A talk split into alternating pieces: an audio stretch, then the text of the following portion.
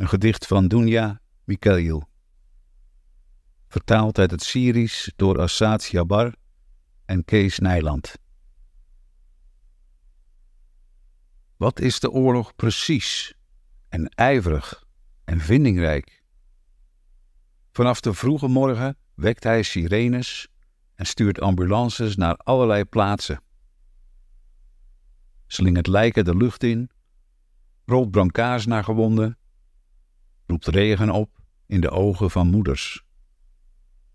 Graaft in de grond, haalt veel dingen onder het puin vandaan.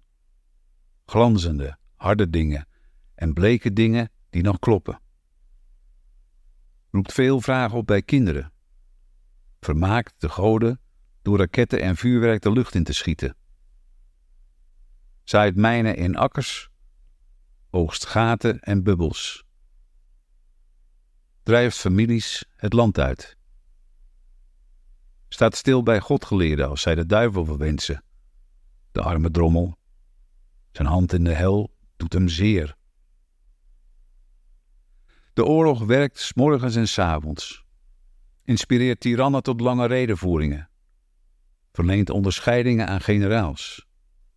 Geeft dichters iets om over te schrijven. Werkt mee aan het maken van kunstledematen. Geeft vliegen veel voedsel. Voegt bladzijden toe aan de geschiedenis. Maakt doden en gedood worden gelijk aan elkaar. Leert geliefde brieven schrijven. Oefent meisjes in wachten. Vult kranten met teksten en plaatjes. Bouwt nieuwe huizen voor wezen. Zet kistenmakers aan het werk. Klopt graftelvers op de schouder. Tekent een lach op het gezicht van de leider.